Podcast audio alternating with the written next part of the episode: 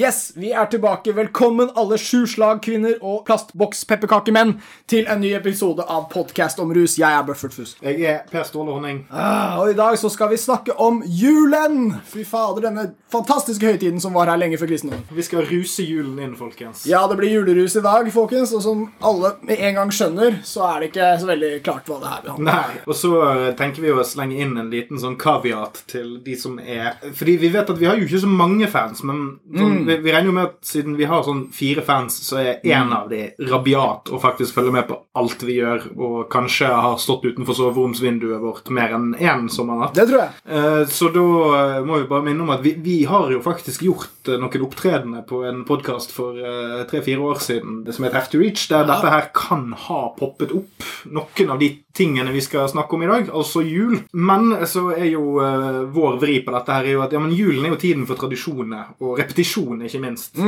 Så dukker det opp noen eh, gode, velbrukte poeng her i dag, så er jo det bare noe vi skal ta med oss inn i, eh, inn i julestria når bestefar eh, begynner å bli veldig sur på at eh, dompappen ikke kom og spiste akkurat det frøet på den måten han hadde lagt ut Sånn som i fjor. i neke. Ja, ikke sant? For repetisjon blir fort til tradisjon, og tradisjon er å repetere. Det er en metagreie. Vi skal også ha litt om eh, alkohol i dag. Ja. Og da blir det fort en liten repetisjon fra vår eh, ganske bra episode Alkoholens eh, sosiale tvangstrøye. For de som likte den, det gjorde jeg, så kan det hende noen av de fete poengene vil gjentas. Men det blir i en julepakke som du må pakke opp eh, rett fra nissens verksted. Og som dere hørte der, der var det jo en eh, fin liten lyd av en boks som åpnet. Det var en gave som åpnet. Uh, og det er jo det at eh, det, vi, vi kicket jo off denne det, Kanskje vår beste episode noensinne. Det er jo alkoholens sosiale tvangstrøye, med en del sånn filosofering rundt hvordan vi blir tvunget inn i, i, i noen litt sånn eh, udefinerbare rammer Ja, dritbra. eh, av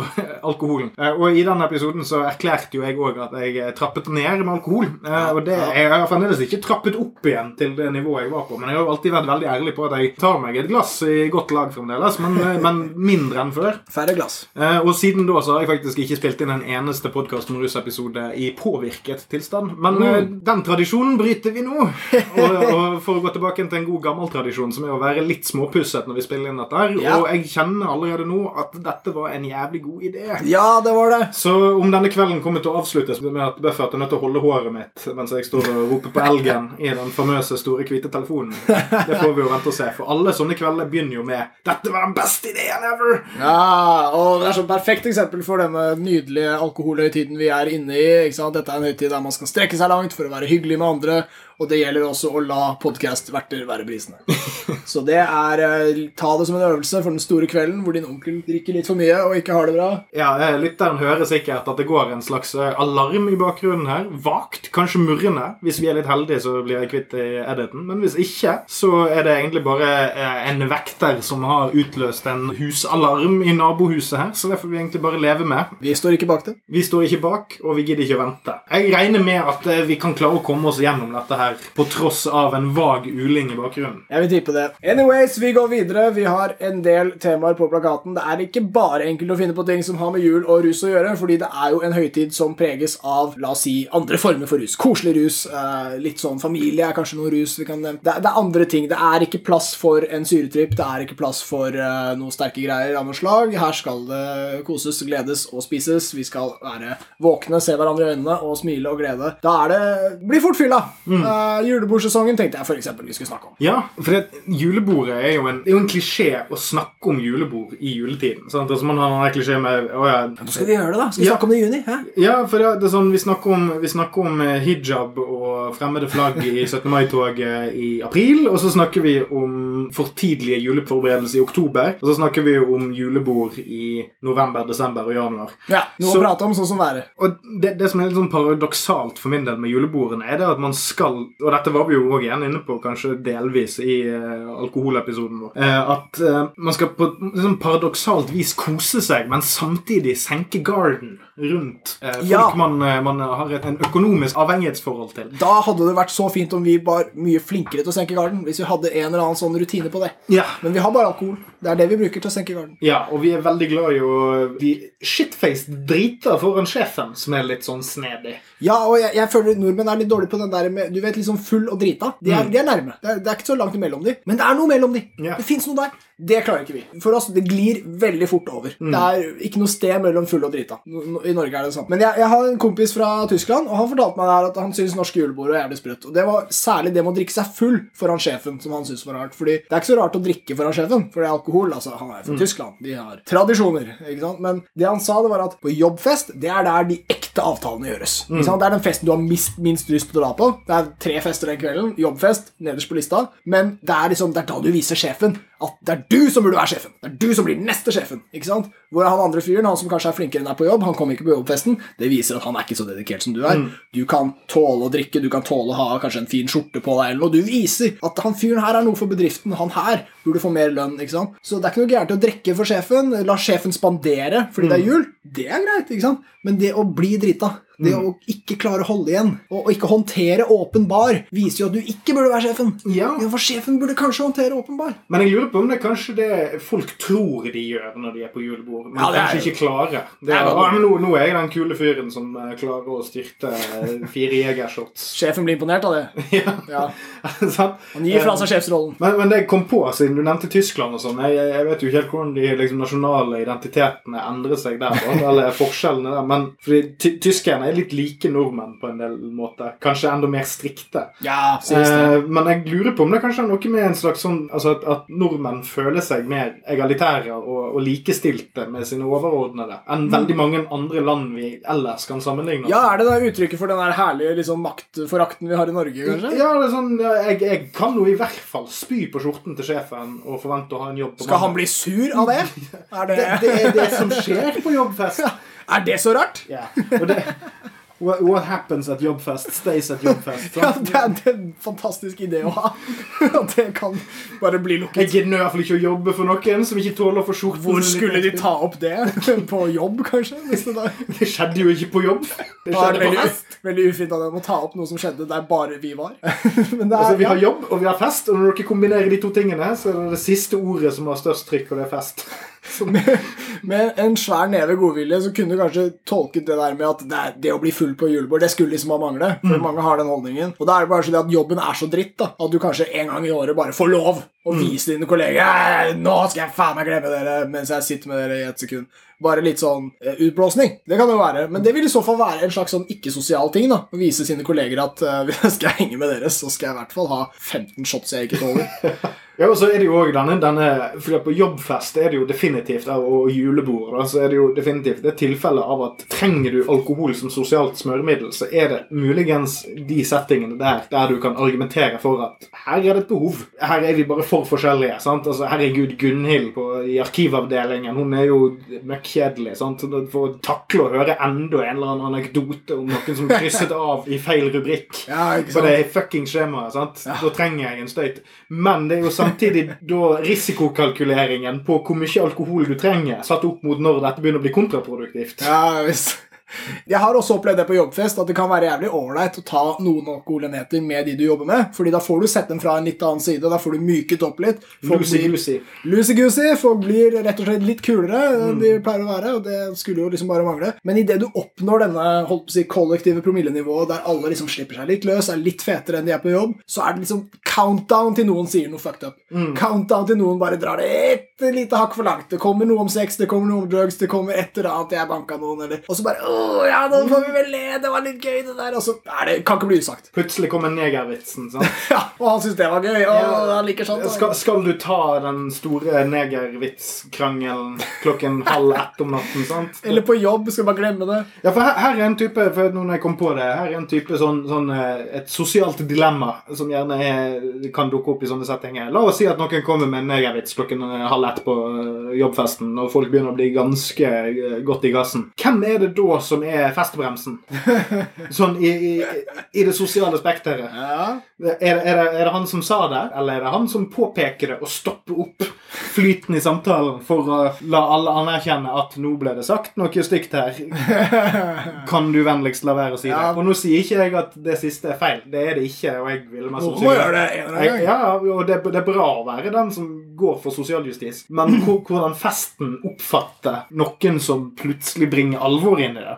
Og dette er nå egentlig bare en kritikk til da, alkoholkulturen og denne litt sånn rare fellesforståelsen vi har av hvordan dette skal funke. Ja. Fordi når folk begynner å faktisk bli alvorlige, så er ikke inntrykket mitt at det er de som tar ting på alvor, som er festbremsen. Det som ofte er skummelt, det er når folk begynner å bli fornærmet for at de blir holdt til, eller satt til ansvar for det de sier eller gjør. Det er det som er det farlige. Og det som, det som kan skape rare sosiale situasjoner og, og ekle konfrontasjoner. At, at folk ikke er ydmyke nok når de blir møtt med kritikk når Ja. de er fulle. Ja, ja, I ja. jobbsammenheng, f.eks.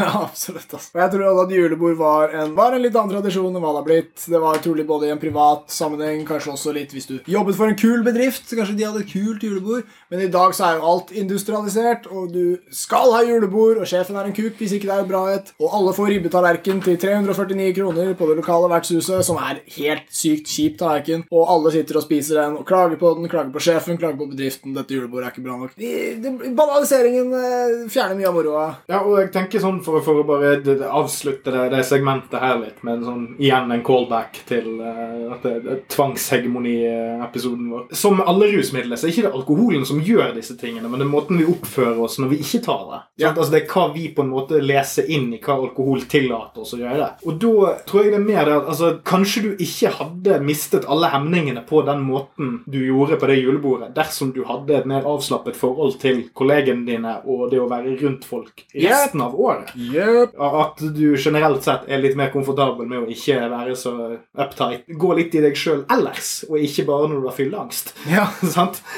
Ja, og så er det, og så er det jeg, jeg tror det er definitivt uh, kjernen av det. Og så, og så har vi også dette med at jula kan være stressende for mange. At det blir lettere å ha denne utblåsningen, utløpet. Enten, er det, enten er det endelig Ja, mørkt og jævlig. Enten er det endelig over, type julegavekjøping eller noe sånt, eller så er du midt i det, så er du dritstressa, burde egentlig ikke drikke, og så gjør du det likevel. Og så går det som det må gå. Jeg har lyst til å si også at vi har kanskje tidligere i Norge hatt tradisjoner der sprit til maten eh, var en sentral del. Men jeg tror at i dag så står vi bare igjen med jula. Det funker jo greit. altså Jeg må jo bare si det at brennevin til maten er en rar greie, men det er jo noe som fungerer altså bedre enn brennevin alene. da. Det, det vil jeg jo si. Ja, fordi at den store norske juletradisjonen altså sånn, Den eneste norske spriten vi har, er jo akevitt. Og det er jo en sånn skandinavisk greie. Sånn potet... kjempegod! Ja. Åh, Helt, jeg liker det jo egentlig ikke så veldig godt, men det passer jævlig godt til jævlig salt mat. da. it's okay. Ja, sånn. Og, og den har, eh, har en remedieeffekt. rett og slett. Altså, det er sånn, Du tåler å være forspist på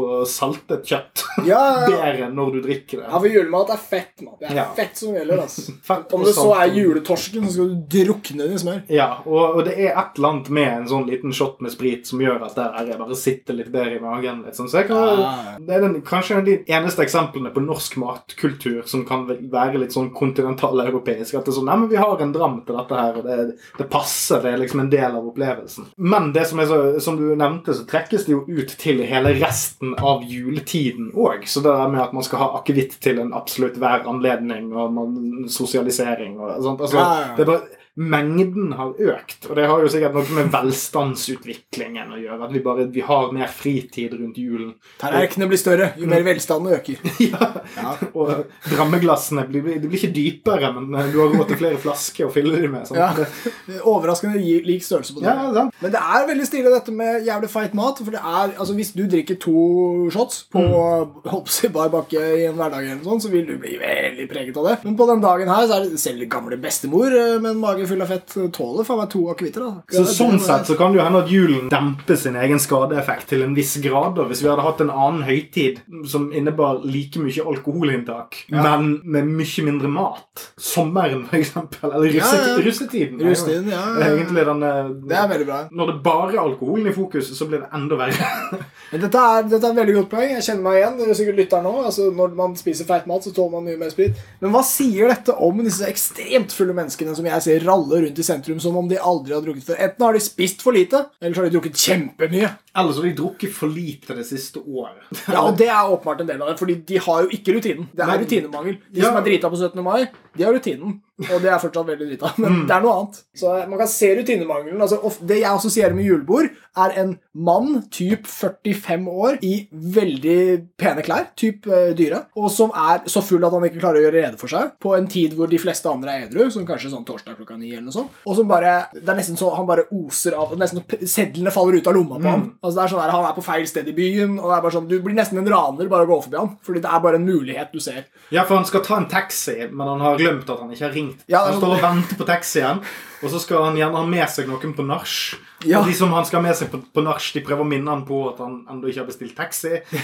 Det er bare et Og så fyres det opp en sigarett. Det er et sånt vandrende rutinebrudd. Ikke? Ja. Mm. Dette er jo ikke en fyr som er, gjør dette ofte. Det, det ville du sett. Uh, så så jeg, jeg føler det er eh, det som Klisj sier om nyttårsaften, at det er litt amatørenes aften. eh, rett og slett. Men, Ja, ja, nyttår, julebordsesongen er mange aftener. ja, nyttår er jo viktig å ta med i juleepisoden, tenker jeg. For Det kan vi gjøre. nyttår er kanskje julaftens nachspiel.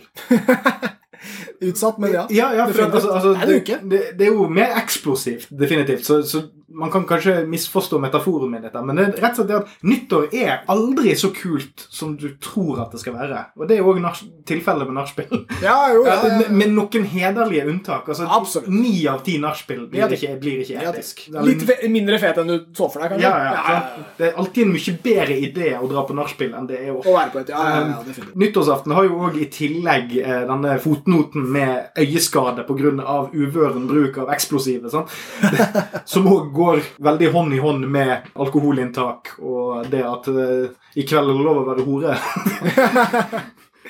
Eh, Så, som denne 45 år gamle mannen tenker. For det var jo den russesangen ka- kanskje uforvørent eh, kanskje la merke til det. Folk her til lands har en tendens til når vi begynner å drikke, at i kveld er det lov å være rablende idiot. Ja.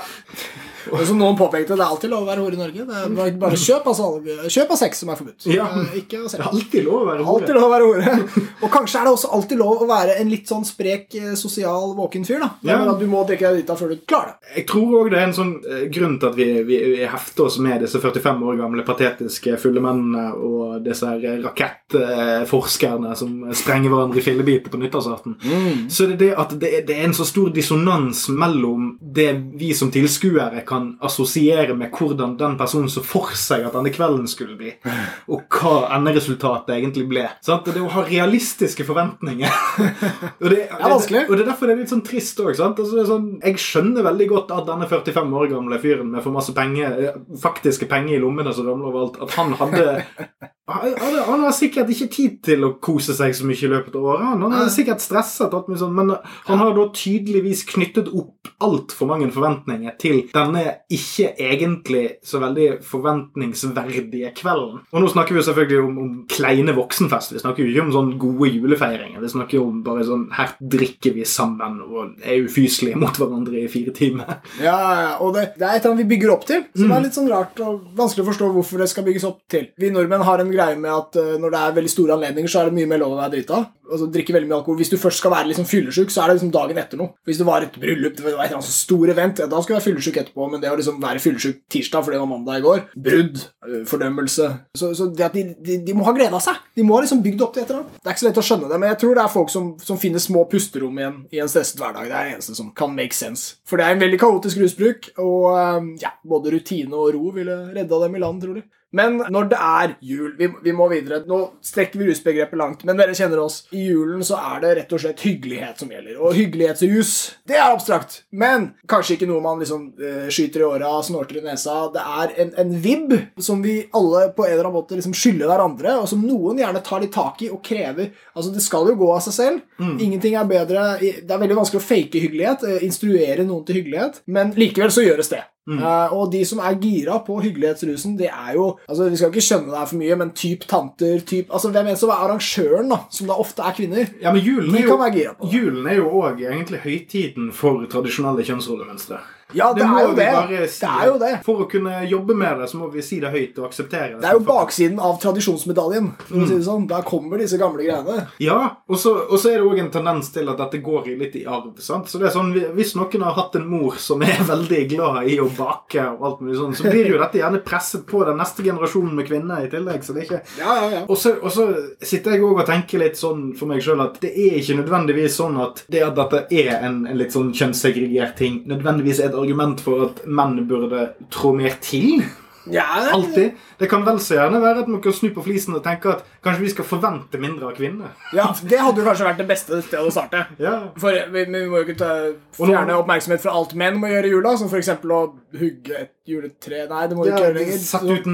Ta på seg en skjorte. Ja. det, det er ikke bare bare. altså. Det, er, du må være pen, ren skjorte, gjerne strøket. Kanskje kjøpt en ny en sånn hvert fjerde år. Ikke være sur. altså Det er, det er mye å sette seg i. Ja, selvfølgelig. sant? Så vi må anerkjenne at De som tar på seg denne byrden, her er jo helter. sant? Altså, Ja. Vi er jo alle glad i våre Ingen jul. Ja, våre matriarker som trår til for dette. her. Men, men samtidig så er det noe man blir utsatt for over tid. Ja. Og så, jeg tror eh, sånn, Alle legg, pålegger seg sjøl en slags forventning som er umulig å, legge, å, å leve opp til, både for seg sjøl og andre, med hvor hyggelig det skal være i julen. Og eh, Dette er igjen sikkert noe vi nevnte på Heftig Reach-episoden eh, som vi gjorde. Men det er så mange av de tingene vi gjør i julen, som, altså de gode tingene vi assosierer med det, er mest sannsynlig basert på et litt sånn vagt barndomsminne. Der veldig mye av det positive og det hyggelige kommer av at du trengte ikke å gjøre en dritt. Og så satt du bare og gledet deg til å få masse shit. Det er VIP-rolle. Ja, det er en VIP-rolle. Så det er sånn hele resten av livet ditt så prøver du å chase that dragon. Det der Å komme tilbake igjen til den følelsen du hadde når du var fem og et halvt Ja. og ventet på Castle Grayskull under juletreet. sant? Det, det, er den følelsen du egentlig er ute etter. Og du kan aldri så, Som, som rusforskere vet du kan det å, det å kjemisk fremstille en rusfølelse i et laboratorium, det er jævlig sneaky vanskelig shit. altså. Det blir sånn her eh, Willy- Wonka-tyggisen, hvor du får liksom forretten først, og så får du hovedretten, så får du desserten. Ja, du, Et flott bilde. En pille. Så har du først uh, middagen, så har du gavene. Så.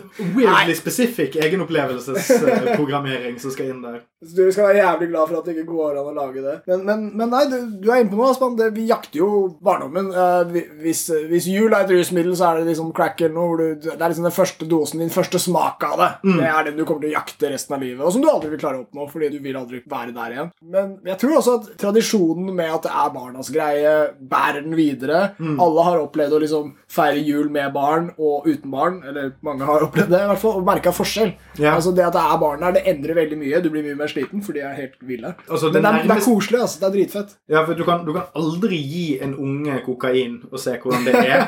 Men jeg tror det nærmeste du kan liksom gjøre det i en laboratoriesetting, er å bare jazze de opp til å pakke opp julepresanger.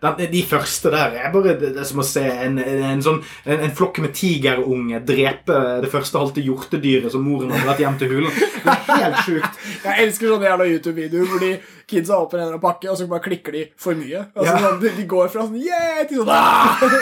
Hvor du liksom Nei, nå, nå vå- våkna en øgle i den der. Sånn, too much. Dopamin er fint. Yeah, glede og sånn.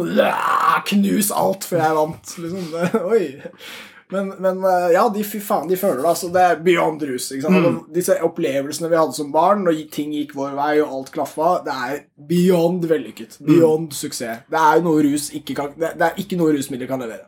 Og jeg tror eh, grunnen til at altså, Jeg har liksom et inntrykk av at vi, når, når vi voksne syns en ting blir litt sånn lame etter hvert, så sier vi at det er barnas greier. Det er litt sånn som med 17. mai. Vi har, vi har feira det her ganske mange ganger på rad nå. ass. Det, det begynner å bli litt eh, ensformig. Litt begrenset hvor mye kubb på lokalet kan gi deg. Ja, og hvis jeg skulle løpe med sånn potet på en skje eller sånn hvert år, eh, kanskje litt begrensa hvor gøy. Og det blir òg mer og mer tiltagende gøy når du kan gjøre det med ungene dine seinere, virker det som. Ja, og så kanskje du får unge en gang, og så vil alt endre seg. Alle ser den potensielle muligheten. Det kan dukke opp noen barn. Ikke sant? Og så er det litt det samme med jula, at vi sier liksom det er, det er barna sø- Men jeg tror vi bare vil det skal fortsette, og så husker vi hvordan det var som barn. Og de to sammen, boom, evig. Altså 17. mai til evig tid, jul til evig tid, fordi det er barnas greie. Så lenge barn lages, så vil jul være det det er. Eller noe sånt. Dette segmentet ble jo litt kaotisk, men jeg tror vi begynte litt med, med tanken om at voksenjulefeiring er en ganske sånn aromatisk, litt sånn nesten kunstig greie. Sant? Altså, det er lukt av bakst, og det er lukt av kjøtt. Og det er liksom Fri fra jobb. Ja, og det er også en, ja, er sånn ting jeg merker jo eldre blir, at det, fokuset blir mindre Altså, jeg er veldig glad i å få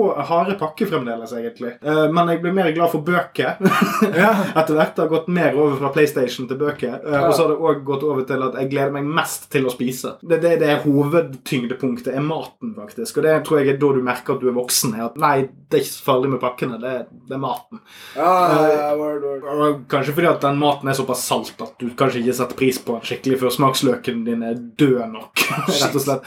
Men på her, men, men eh, uansett, bare, før jeg ramler helt av den biten her, så er det det, det er så aromatisk, og det er så, det er så mange elementer der som er en del av nettopp dette liksom ekkoet av barndommen din. og sånn? At, at jeg tror veldig mange av oss kanskje blir unødvendig stresset fordi at vi føler at vi er nødt til å få den barndomsfølelsen igjen for at det skal være en god jul. Og så tror jeg vi glemmer at det som på en måte er selve julerusen, er jo faktisk det å finne den på nytt på en annen måte. det er ikke det å få akkurat den følelsen, men det er å slappe av og nyte noe basert på andre ting.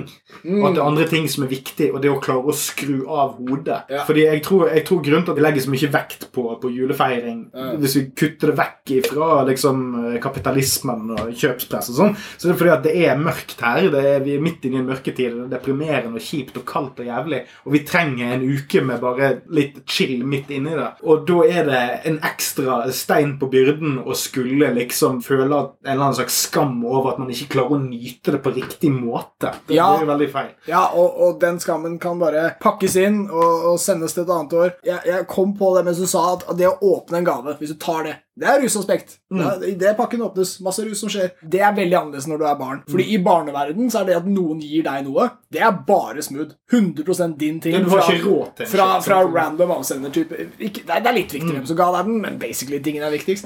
Og du åpner den, og det er dritfett, så er det den nye, nyeste iPhone. Hvem bryr seg hva den koster? Det er sånn 8000 eller noe sånt. Ja, ja, 8000. Vet ikke hva det er verdt. Jeg, jeg har en dings. Ja. Dingsen er min. Fuck yeah. Det kan være like kult at en annen gave kom i en jævlig svær pappeske som Ja. du kan leke inni etterpå og lage om til en tidsmaskin. Men det er ikke så rart at vi aldri kan få den igjen. Barneverden er jo sånn. Barneverden er ny dings, er lik din dings, fet dings. Voksenverden er en kynisk drittverden stappfull av makt og, og slike perspektiver. Hvis jeg plutselig får masse fete ullsokker, som jeg nå plutselig ønsker meg, eh, så, så plutselig får jeg en iPhone, eh, hva enn den nyeste heter, til 8 9 12 000 kroner, så blir jeg liksom Hvem faen kjøpte den til meg? Var det fattern? Altså, sånn, hva, hvorfor det? Hva slags maktperspektiv har vi nå? Det, hvorfor, hva var grunnen til at jeg fikk en så bra gave? Det er masse greier. Det er masse ding som ikke var Og, og i tillegg minner det deg på en del ting. Altså du, hvis man får nå en ny PC eller en iPhone eller Ja. sånt, som er jævlig dyrt, og du vet at den gamle telefonen eller PC-en din faktisk har holdt deg tilbake At du nå vet at den teknologiske fresheten her kommer til å gi deg en mulighet Ja. nå med å bare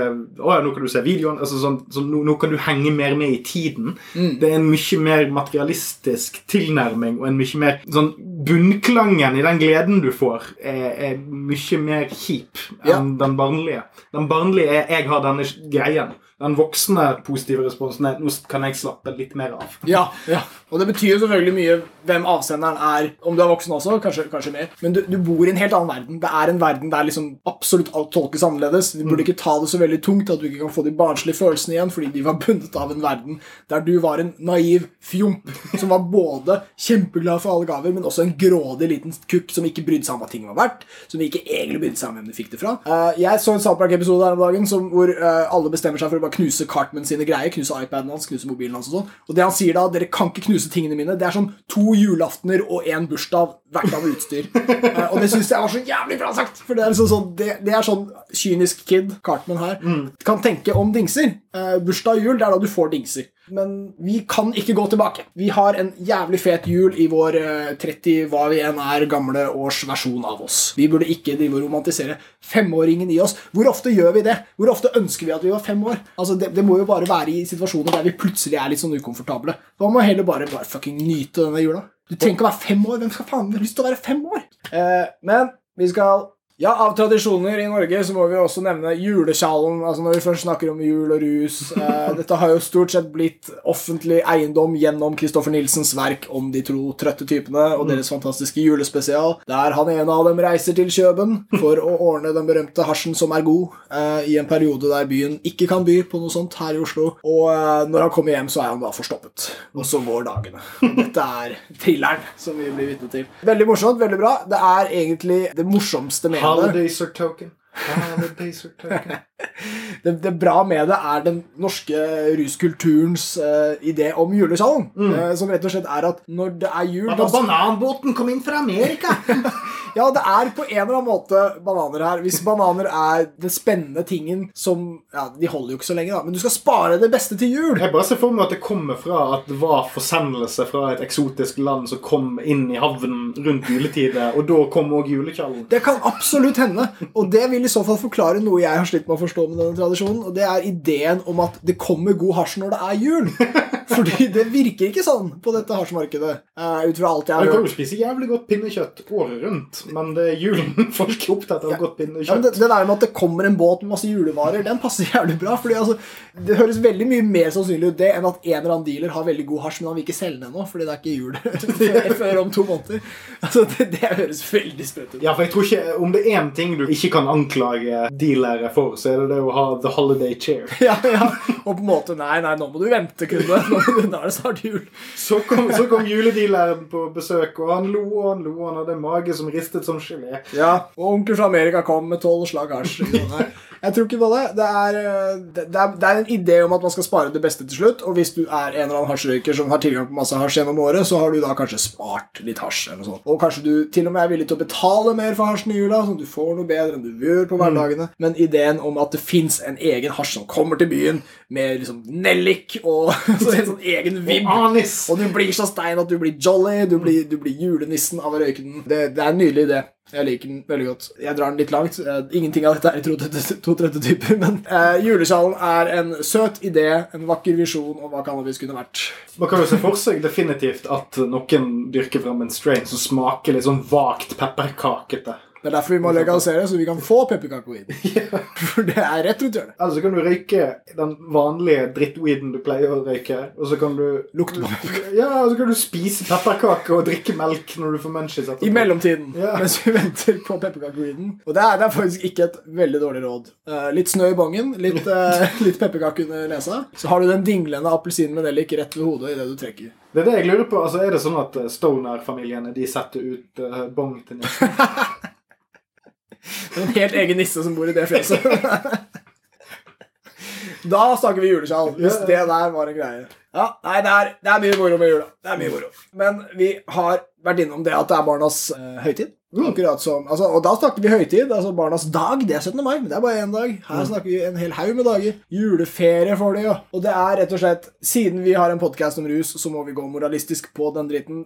Barn og rus er en ikke så veldig bra kombinasjon, og jul er en koselig tradisjon der man skal strekke seg langt for andre. Ja, og jeg, jeg, jeg tror jeg har en hook på dette her som kanskje er litt interessant. For det, det er jo masse gode kampanjer nå om det der. og- Tenk deg om på forbruket ditt rundt det. Men jeg, jeg tror kanskje at en av grunnene til at det er ekstra viktig rundt jul, så er det det at selv om det er veldig for ungene sånn generelt, sånn juleselskap. På tross av det så er det det at det er noen rammer her som de voksne styrer veldig. Altså Det er veldig kjedelige rammer for en unge. Julaften er møkkjedelig, og det er kanskje det som gjør den gøy for unge. For du må liksom, å, du må pynte deg for å gå og se på et eller annet korps spille et eller annet. Du. Og så må du sitte og vente til de voksne har lagd Og så skal du spise graut, sant? og så skal det spises middag. Sant? Altså, du er nødt, det, det er et ritual som skal gjennomføres, og du tvinger ungene til å kjede seg veldig. Og så får de en payoff med gaver og sånn. Ja, Så jeg tror at selv om dette her er egentlig mest for Altså det er ungene som får mest emosjonelt utløp for dette her, så er det òg det at de tvinges til å spille på de, de voksne sin hjemmebane. Det, det, det er et middagsselskap, dette. Ja, det og, da, og da blir det å, å, å være uvøren med alkohol ekstra farlig. Det er et godt poeng. Det er de voksnes arena. For De tenker det er barnas eh, høytid, og derfor er alt barnas, men middagsselskap word, det er en låst setting. Og voksne som oppfører seg i den settingen, er egentlig ganske oversiktlige, og så kommer alkohol og gjør det uoversiktlig.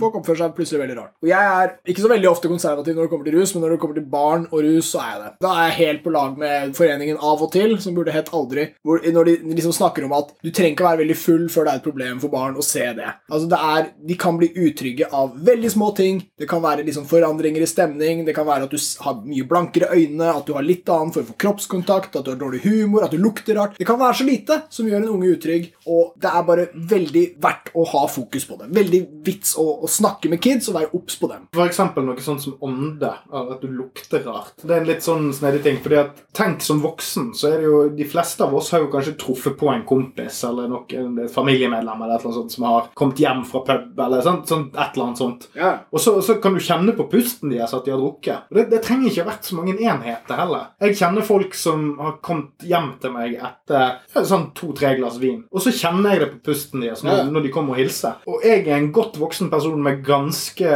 redusert luktesans. Mm. Det er jo noe som skjer. Det er jo det at unge har en ekstremt god luktesans. Ja. Fordi at de, de har ikke like masse filter, for det første. Altså det er sånn Alt skal sorteres i hjernen. Eh, og, og, og samtidig så har de òg veldig aktive liksom, altså alle disse, Jeg vet ikke hva du skal kalle det, men altså de, det er rett og slett at de har bedre reseptorer for lukt og sånn. Jeg har ikke herpa dem ennå. Nei, jeg ville ikke lagt så enormt stor vekt på at du har traumatisert ungen din hvis du lukter rødvin når du skal, når du skal, når du skal legge dem og sånn. Så det er ikke sånn at du skal få noia for den type ting, men det å være bevisst på at du fremstår Ikke i oppførselen nødvendigvis, men bare det at du lukter noe helt fundamentalt annerledes enn du pleier, det kan kanskje være nok, det. Det er jo ikke det at du skal gjøre et regnskap av det, men man kan kanskje tenke seg det at ja, ok, du tar deg en, en akevitt til middagen og kanskje et glass rødvin, men du må kanskje, kanskje si stopp der. Det kan høres ut som at man overtenker det for mye, og at man da kanskje har et problem. At Ja. man burde klare å avstå fra det. Men jeg tenker det at nei, du burde jo ikke avstå fra alkohol bare for ungene sin del heller, men det er det at vis det at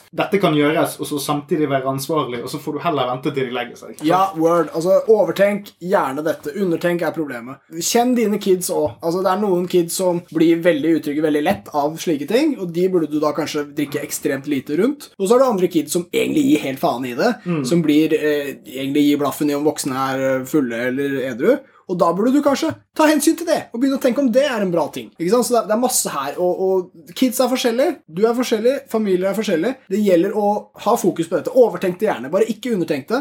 La tanker stå i veien for din egen lille artige, spontane alkoholbruk. Og så, og så kan vi også egentlig huske det at ikke, ba, ikke bare det er den biten, men det også det at på et tidspunkt så er det òg akseptabelt å være full foran ungene sine. Jeg tror, jeg tror de aller fleste vil være enige om at sånn seint i tenårene, da, da kan du tåle å se far Ja. være full. Da får far lov å i hvert fall ha brisen foran poden. ass. Ja, ja og, og igjen så er jo det det at alkohol er såpass gjennomsyret i samfunnet at ja, kanskje vi alle har godt av å få knust noen illusjoner om folk vi er glad i. sant? Altså, kanskje vi har godt av å se at folk er feilbarlige og kan drite seg litt ut. sant? Men, men igjen så handler det om hva det er snakk om. sant? Ja, og, og det er enkelte aldre dette er bedre enn andre. Ikke sant? Altså, hvis du er, 6-7 år, så er du mer sårbar for liksom brå sjokk og sånne ting.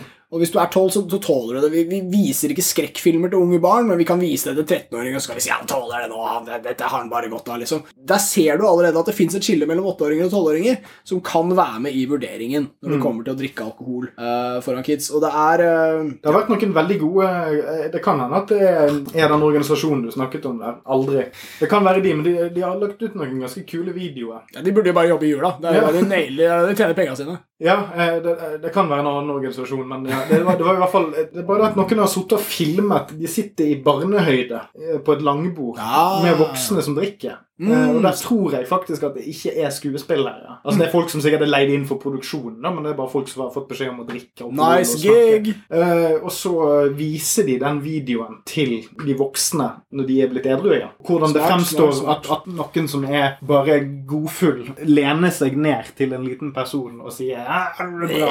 ja. Det å bare kikke på en sånn videosnutt før du skal eh, besøke tantebarna eller et eller annet sånt, tror jeg er en, en, en god liten sånn refresher. Og så bør ikke stresse med det, men du bør kanskje være bevisst. er vel det Ja. min Ja, men Det, det synes jeg er en jævlig god idé. ass. Det er så vanskelig å være bevisst på det mens det skjer. så Du får det liksom aldri med deg. Men jeg vil også ha også en egen liten rant på dette her til håper jeg, småbarnsforeldre, og det blir jo til foreldre generelt fort. da. Men, men Vi vet alle at det fins et øyeblikk, i hvert fall de foreldrene som røyker cannabis en gang iblant, som ikke kan på noen måte gjøre det alkoholfolk gjør. Og nå tar jeg bare litt, og det må du tåle, for det er lovlig og sånn. Nei, nei. Når kiden har lagt seg, da er det det voksnes tid. Ikke sant? Så det, folk som røyker cannabis og lever i denne 'vi må skjule det'-verden, de vet dette veldig godt. Men du må vente til kiden din har lagt deg, ass, når det kommer til den rusgreia. Og for all del, ikke dra på med rus da heller, for plutselig våkner han, og så, ikke sant? så er helvete løs. Altså, det er greit å ha én voksen person som er noenlunde habil. Kanskje du ikke trenger en i det, det andre beinet òg, som vi sier. Men det er, hvis du har veldig unge barn, så legger de seg tidlig. Det betyr at du kan ta denne pilsen, jointen, what the fuck ever, litt tidligere enn en person som har en kid som er la oss si 8-9 år. Legger seg senere. Da må du vente litt lenger. Da må du holde ut. Men hvis kiden våkner og tar deg midt i, så er den litt eldre og tåler kanskje litt bedre å se det grusomme synet av deg som driver knarker eller eh, drikker altfor dumt eller noe. Og så når de er liksom 12-13, da begynner det å bli sånn vanskelig, for da går de aldri og legger seg. Da sitter de og spiller TV-spill og bare fucking aldri legger seg. Da er du allerede over i den alderen der det er lov å ta seg en knert eller to. Ja. Så jeg må, jeg må bare si Her har vi gliden over. ja, her er det rom for voksne folk til å ta seg en liten røver. Og du må bare klare å vente til den ungen har lagt seg, og det skylder du den ungen. Din motherfucker. Du ga den liv, den ba ikke om å bli født. Og her sitter den, og du driver og har liksom «Øh, Jeg skulle ønske jeg kunne Den må legge seg. Jobb hardt, få den lagt, da. Ta, prat litt med han, hun. Bare få den i seng. Så er det de voksnes tid. Er det så vanskelig å ikke kombinere disse to arenaene, så er det nesten så jeg ringer barnevernet sjæl. Motherfucker! Og jeg tenker jo det at Hvis du sitter der og tenker ja, men når skal jeg få min tid, da? Så tenker jeg to ting. Det ene er jo at Når du har fått den ungen i utgangspunktet, så er det aldri din tid ever igjen. Ja, du har solgt den tiden allerede. Og hvis du da mot formodning eh, skulle ha anledning til å snike deg unna en kveld, så er det jo da du må legge inn hardskytse. Altså, du drikker ikke hardt julaften. Du drikker hardt på julebordet. Ja, word. Og da får du bare Ta betale ut. Og da, da skal du kjenne ekstra godt på den følelsen når du står der med to utente sigg i munnen, har glemt at du ikke har ringt til taxi, og det ligger masse tusenlapper på bakken fordi at du prøver å finne lommeboken. Det er bilde av julebordmannen. Det bare flyr sender. Jeg er så full. Jeg bare selger overalt. Så det kan hende, for å faktisk ha en sånn liten sånn apropos til julebordsdiskusjonen vår, så kan det hende at julebordmannen faktisk fortjener enda mer cred enn det han egentlig har fått. Ja, så er vi For- tilbake til å skryte. han, han har kanskje, kanskje vært en god far. Hvis han ikke er full på julaften, så skal jeg gi det til julebordmannen. Ja. Da, da, Forutsatt. så, lenge, så lenge han gjorde det for barna. Forutsatt at pappa ikke lukter tusj. Han gjorde det for ungene. Tross alt. Vi tenkte at i dag så tar vi ikke noe avrusning. Det hører ikke julen til. Mm. Men vi tar noen juletips som vi egentlig allerede har gjort i veldig stor grad. Altså Dette handler jo om å ikke ruse seg foran barn, f.eks. Og når du er på julebordet, så kanskje ikke drikk foran sjefen hvis du har lyst til å bli den nye sjefen. Ja. Og får mer lønn og prestisje i ditt liv, sånn at barna dine har det bedre. Også en måte å få til det. Måtehold. Måtehold. Ja, en god, fine måtehold. Fordi at jeg tror det folk misforstår litt med måtehold, er at det handler ikke om at du ikke skal ha det fett. Det handler om at du ikke skal drite deg ut. Måtehold trenger ikke å bety at, at du, du går rundt og er den dølle duden på fest. Det handler om å finne en strategi som gjør at du kan løsne i tøylene uten at det går utover psyken din på fritiden eller på jobb seinere. Ja, Sant? Og, og det er mestring. For å igjen trekke det tilbake igjen til uh, alkoholens sosiale tvangstrøye-episode, Oh, yes. så, så er det Fraværet av alkohol kan lære deg en god del hvis du er bevisst på hvorfor du lar være å drikke. Og hvis du er bevisst på hvorfor du lar være å drikke, så tror jeg du kan verdsette alkoholen på en annen måte. Ja, ja. Bryt mønsteret og kjenn på det. Ja, og igjen det å, å vite at du kan få mer ut av kanskje mindre alkohol ved en senere anledning, f.eks. Kan Mm. gå, altså, Å være bevisst på at kanskje du kan gå på et julebord og drikke halvparten av det du trodde du måtte. Sant? At man har fått en eller slags, et eller annet slags inntrykk av at du må drikke så og så mye for å ha det gøy. Pga. en avholdsperiode der du tenkte litt gjennom livet ditt, så Ja. drikker du litt mindre og har det kanskje dobbelt så kjekt som du ville hatt. sant? Ja, Kanskje du hadde en ekstra for, fortrolig samtale med noen fordi at du var akkurat påvirket nok til å tørre å være litt personlig, Yeah, word, men word. ikke så full at du sa 'få se på puppene'. sant? Ja, Godt eksempel. Men det er, ja, og Kanskje du blir mindre stressa av å ikke være så full hele tiden. Altså, kanskje, kanskje det som var kjedelig, egentlig var digg. Jeg tror det. Og, og helt på tampen, jeg må si, jeg, jeg vet ikke om lytterne er som jeg var, men jeg har hatt en periode i mitt liv der jeg følte at jula ikke var så jævlig cool. Mm. Der jeg ikke følte den var for meg. Og det kan jo hende, i og med at vi har en ruspodkast, at det er enkelte som hører på oss, som ikke er så jævlig gira på liksom, familieliv og barn og liksom hipp hurra. Jævla konformt. det er jævla konformt, og det er eh, kommersialistisk drit, og det er familiemas. familie... mas, eh, det er masse greier. Eh, Det er ikke alle det passer for. Men jeg har lyst til å si dette. Ok, altså, Jula er en ypperlig anledning for alle mennesker til å prøve å gjøre litt litt grann mer for andre. Prøve å bare strekke i seg litt lenger enn vi pleier å gjøre. Det kan være én jævla centimeter fra hvordan du er mandag morgen, men hvis du klarer det i jula, så legger alle merke til det. Du burde bare prøve å joine kose-crowden når det kommer til å bare være raus, ikke sant? Og hvis, se på fucking julenissen, hvor jolly han er. Jeg mener ikke jovial. Jeg liker ikke joviale fucking danseband. Alt ordner seg. Hupp og. Nei, det er juleversjonen. Julenissen er en tjukk, jolly fyr. Barn disser han. De liker ikke gavene. Han burde være snillere neste år, da, little bitch. Han er Vær jolly! Vær nissen! Prøv å bare ikke ta ting så tungt. Og hvis du tenker jeg er en sånn fyr som ikke er jolly Jolly er ikke for meg, de som er jolly, er idioter. Skjerp deg! Bare for en stakket stund. Det her kan du gjøre. Det her er en kort periode. Putt på smilet, gre sleiken og bare få det her til å funke. Jeg lover deg, det er verdt det. Det er en mye bedre strategi enn den andre. Og jeg vil sitere Abed, den autistiske karakteren fra Dan Harmons ypperlige serie Community. Idet han prøver å finne ut hva jul handler om, idet hans verden faller i grus, så finner han ut at The meaning of Christmas is the idea that Christmas has meaning. Du trenger ikke å ha en dypere forståelse av at jul må være om Jesus, må være om familie. Vi må ha mening i dette her. Vi har et helt rituale basert på hyggelighet, raushet, og du kan påføre det mening med din vilje. Jeg har tro på deg, lytter. Ha en hyggelig jul! Ja, Bare sånn at det ikke blir siste ord i eh, julespesialen. Så Ja, tenker jeg, for alle. ja, jeg tenker jo at folk må jo gå, gå videre med en litt sånn uh, hyggelig ryggmargsfølelse og ikke så mye skam. For Ja, jeg vil ikke shame eh, noen, jeg vil ikke året, si. Ja, jeg vil ikke shame. Men uh, det du er inne på der med Ikke tenk så jævlig mye på jul og Jesus. For jul og Jesus og, og Gud og sånt, det er ikke viktig. Det har ikke vært viktig i julefeiringen på Nei. 100 år, vil jeg si. Det Bare er, noen familier.